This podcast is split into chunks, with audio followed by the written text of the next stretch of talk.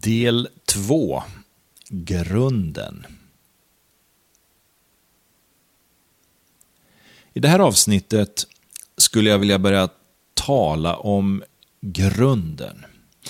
Varför det är viktigt att ta upp frågan om Guds frälsningsplan, ja det beror ju bland annat på att det under ett antal år har smugit sig in någon slags dold universalism. Tidigare har den etablerade frikyrkan kunnat vifta bort det som varit tydligt i fråga om att alla människor en dag kommer att bli frälsta just för att det har varit en så tydlig villolära. Man har stått där förankrad i Bibeln med en god allmän kännedom om vad Bibeln i grund och botten lär. Men nu har det under en längre tid, skulle jag vilja säga, smugit sig in tankar och uppfattningar som kan ha skenet av att vara något gott, men som i grunden är en undervisning som inte alls har sin förankring i Bibeln, även om man vill ge sken av det. Så därför menar jag också att det är viktigt att vara förankrad i Bibeln och att ha en grundläggande kunskap om vad det är Bibeln lär och inte vad människor lär. Det finns idag kyrkliga ledare som ska tjäna som föredömen, som goda herdar, som talar i termer av att alla religioner har samma Gud i grund och botten. Och så har vi sett hur något samfund haft en het debatt om försoningen, vilket kan vara motsägelsefullt eftersom det var en av de frågor som tydligast gjorde att samfundet en gång bildades. Någon doppräglad rörelse har å sin sida tonat ner dopteologin i vissa sammanhang och så tänjer man på synen av medlemskap. Delar av Andra rörelser vänder blicken mot Rom och den katolska kyrkan med en del teologiska avarter. Nu vill jag att du ska förstå mig rätt. Jag tänjer lite på det här och ställer frågan på sin spets, för givetvis finns det många församlingar där den goda teologin finns kvar. Så vi ska inte kasta ut barnet med badvattnet och jag vill inte heller säga att allt är dåligt, för det är det verkligen inte. Men det finns ändå en tydlig tendens där man allt mer glider med strömmen bort från källan. Och därför är det också viktigt att våga ta upp de här frågorna och ransaka sig själv och se hur har jag det? Hur är det ställt med de här frågorna i den församling jag tillhör? Så det här och en del annat, ja det berör ju frågan om frälsningen på olika sätt. Och nu är det verkligen hög tid för oss att göra anspråk på det där gamla epitetet läsare som frikyrkofolket en gång i tiden hade. I det första avsnittet, i den första delen, så talade jag om bibelsynen och anledningen är att vi behöver leva oss in i Bibelns budskap. Vi behöver studera ordet mer än någonsin så att vi inte förleds av dessa vindkast i läran. I början av 2000-talet så satt jag och läste en bok av Ireneus, den gamle kyrkofadern. Boken hade titeln Bevis för den apostoliska förkunnelsen. Denne Ireneus, Ireneus av Lyon, han levde på hundratalet och bör nog trots allt anses som en av de tyngre teologerna, även om en del kontroversiell undervisning kommer ifrån honom.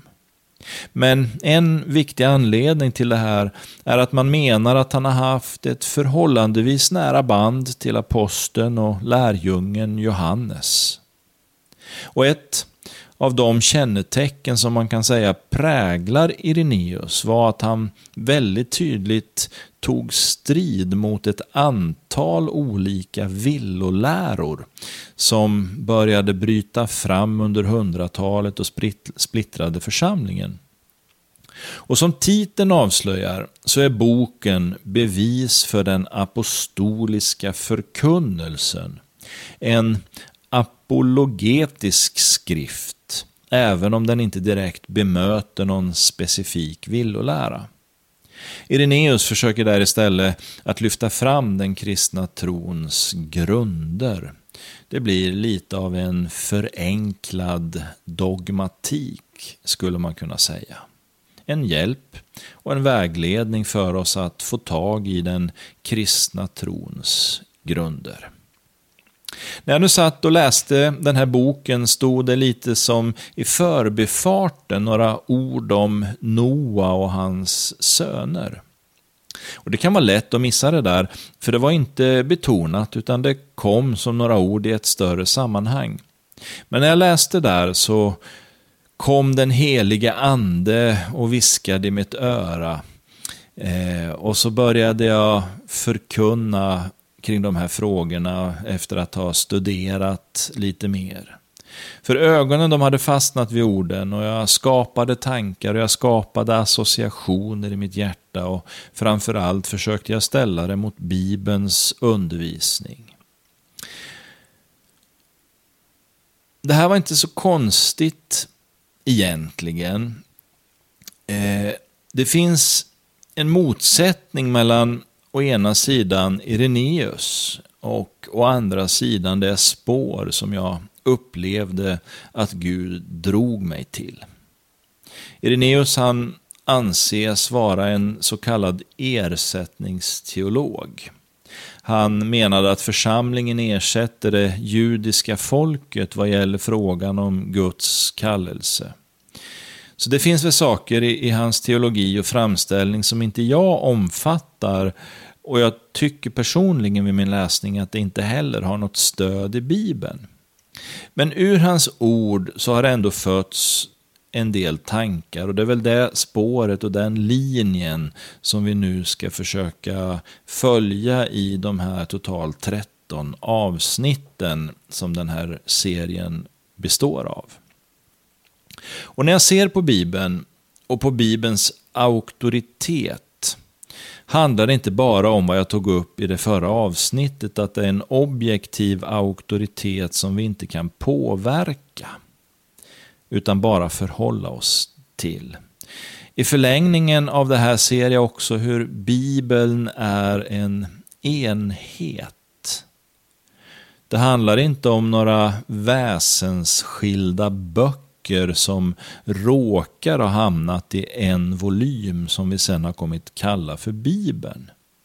Det finns en oupplöslig enhet som också har en slags utvecklingslinje som vi kan följa redan ifrån den allra första början. Gud låter saker ske genom historien för att genom dem berätta någonting om hans plan för vår frälsning. Så redan i Bibelns första vers, i begynnelsen skapade Gud himmel och jord, så finns det en dold sanning. Orden i begynnelse kan också översättas genom förstlingen. I Kolosserbrevet läser vi hur Paulus talar om att allt skapades i och genom Jesus. Alltså vår frälsare. Och därifrån, från Bibelns första vers, så kan vi sedan följa den här tråden genom Bibeln. Och jag kommer göra mitt första nedslag i ett senare avsnitt när vi kommer till berättelsen om Noa och hans söner. Jag har försökt att hålla alla de här avsnitten i serien under 15 minuter för att det här ska vara lättillgängligt och i bästa fall lättlyssnat. Så jag hoppas att det också gör att det blir lite enklare om du vill repetera den här undervisningen, om du vill återkomma till den. Men eh, det andra avsnittet nu vill jag avsluta med att åter påminna dig om inledningen som jag har haft här. För jag har velat visa på vikten av att se Bibeln som en objektiv auktoritet. För det är där källan till vår kunskap finns. Vi har all rätt, enligt Gud givetvis, att förhålla oss till det budskapet. Och ingen kan läsa de texterna utan att tolka dem. Eh, så är det ju. Men vi behöver samtidigt förstå att texten är utandad av Gud. Och texten är någonting som är större än oss människor. Alltså, det är en objektiv auktoritet. I Bibeln finns det som sagt en linje från början till slut som handlar om vår frälsning. Den börjar med att universum skapas i och genom Jesus, vår frälsare. Och i Uppenbarelseboken avslutas Bibeln med tankar som får oss att förstå att Gud för allt det här till sin fullkomning. Och när vi nu kommer in i nästa avsnitt så kommer det att handla om skapelsen. Det kommer handla om frågan varför Gud skapade världen. Men jag kommer också ta upp frågan om det sammanhang som rådde när Noa levde. Och så kommer vi utifrån Noas profetia över de tre sönerna lite längre fram att få följa två parallella spår. Ett som handlar om det judiska folket och församlingen och ett spår som handlar om de som väljer att säga nej till frälsningen. 3F, två spår, en frälsningsväg. Låt oss be. Vi tackar dig Fader för att du i din stora kärlek har skapat detta universum. Vi tackar dig för att du har gett oss Bibeln som en kärleksgåva till oss. Och vi ber att din helige Ande ska öppna våra ögon, låta oss få se och ta emot och förstå det goda som du vill ge till oss. Dina äran och makten i evighet. Amen.